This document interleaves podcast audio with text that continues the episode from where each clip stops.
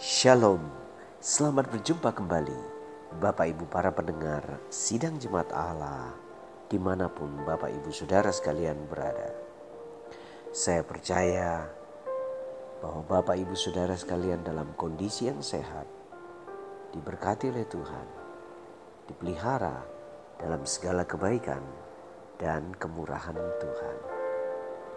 Kita akan mendengarkan renungan firman Tuhan dengan judul Siapakah yang berbuat dosa? Teks kita terambil dalam Yohanes pasal 9 ayat 1 sampai dengan ayat yang ketiga. Di situ dikatakan, waktu Yesus sedang lewat, ia melihat seorang yang buta sejak lahirnya. Murid-muridnya bertanya kepadanya, Rabi, siapakah yang berbuat dosa? Orang ini kah? Atau orang tuanya sehingga ia dilahirkan buta? Jawab Yesus, bukan dia dan bukan juga orang tuanya. Tetapi karena pekerjaan-pekerjaan Allah harus dinyatakan di dalam dia. Bapak Ibu para pendengar di mana pun kita berada, setiap kita jika melihat ada ketimpangan atau ketidakselarasan terhadap diri seseorang, kita mungkin akan langsung bertanya, siapa yang berdosa ya? Jika kita melihat seorang menanggung sakit tertentu bertahun-tahun lamanya, dan juga menanggung betapa beratnya kecacatan yang dimilikinya, kita mungkin bertanya, siapakah yang berdosa ya? Papanya kah? Mamanya kah? Opa omanya kah? Kakek neneknya kah?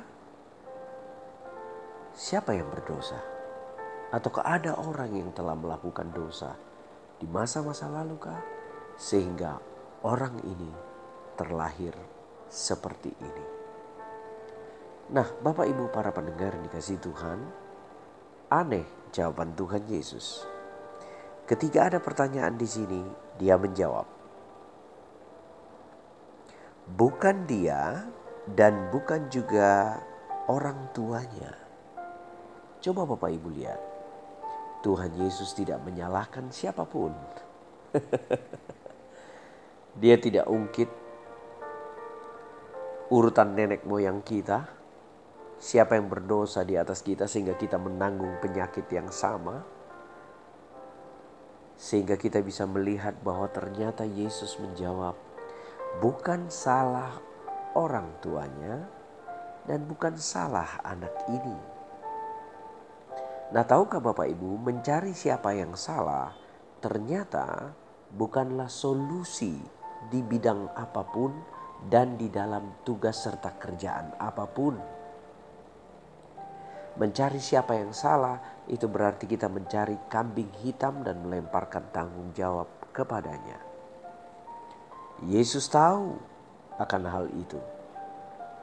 Itulah sebabnya Bapak Ibu Saudara, di budaya kita yang seperti ini, kita cenderung melihat runtutan siapa yang paling bertanggung jawab, siapa yang salah.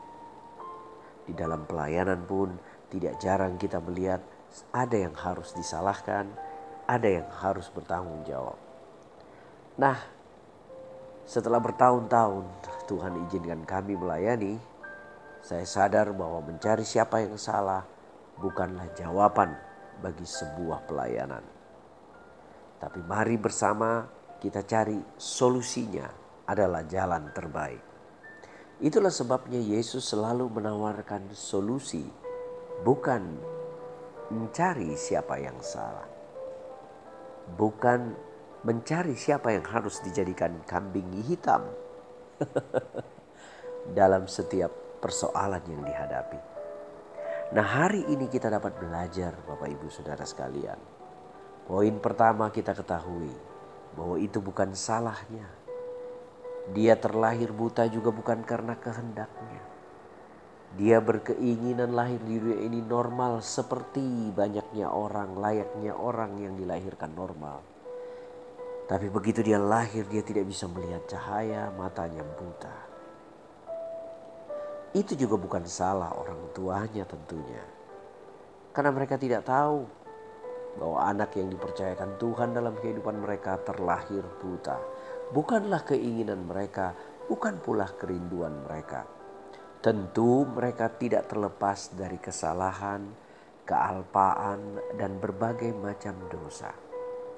Tetapi Yesus menjamin mereka dan berkata, bukan salah orang tuanya dan bukan juga salah anak ini.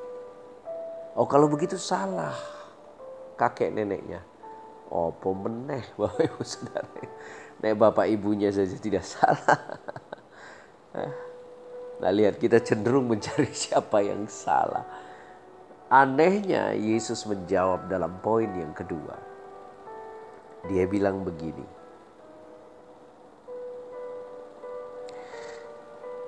Tetapi karena pekerjaan-pekerjaan Allah harus dinyatakan di dalam dia.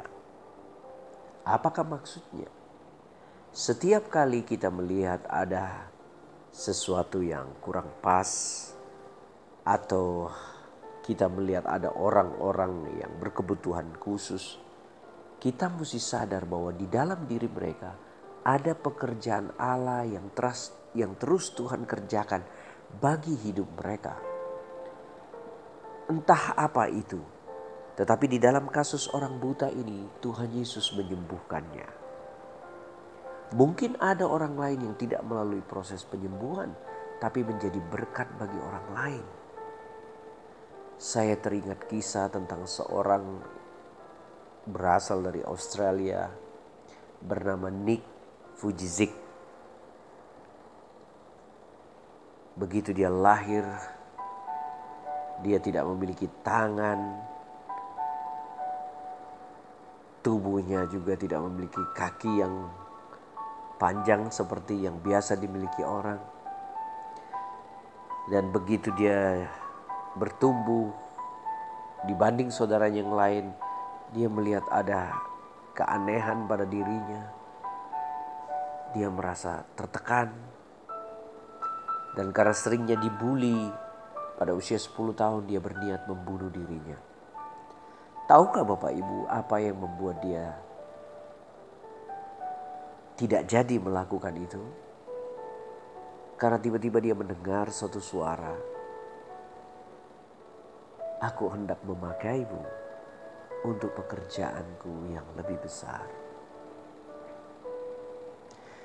Satu-satunya ayat yang membuat Nick tidak menyalahkan Tuhan, tidak menyalahkan papa dan mamanya, dan apalagi tidak menyalahkan dirinya sendiri adalah ayat yang baru saja kita baca. Di dalam Yohanes pasal 9 ayat 3 ini. Bukan salah orang tuanya, bukan salah dia, tetapi karena pekerjaan-pekerjaan Allah harus dinyatakan di dalam dirinya. Sejak saat itu, Nick merasa dia harus menjadi berkat bagi banyak orang di tengah kelemahannya. Itu sebabnya dia mempelajari segala sesuatu. Dia tidak mau bergantung pada orang lain. Dia berusaha dengan apa yang ada dalam kelemahannya, tampil seperti biasa sebagaimana orang normal. Dia tidak dapat berdiri dengan kedua tangannya. Dia berusaha bagaimana caranya sehingga dia dapat berdiri di atas badannya sendiri. Dia bisa berenang, dia bisa bawa mobil, dia bisa memasak, dia bisa melakukan semua yang orang normal bisa lakukan, Bapak Ibu Saudara sekalian. Sekarang dia tinggal di Hawaii bersama istri dan ketiga anaknya. Bapak Ibu Saudara yang dikasih Tuhan, itu berarti kalau ada hal-hal yang kita alami, tolong jangan salahkan Tuhan Jangan salahkan orang tua kita. Ini gara-gara penyakit genetis orang tua saya sampai saya ditimpa penyakit ini. Stop, berhentilah menyerahkan. Alkitab berkata, bukan salah mereka, tetapi supaya kita menjadi kesaksian kepada banyak orang bahwa kuasa Allah ternyata bekerja di dalam kita.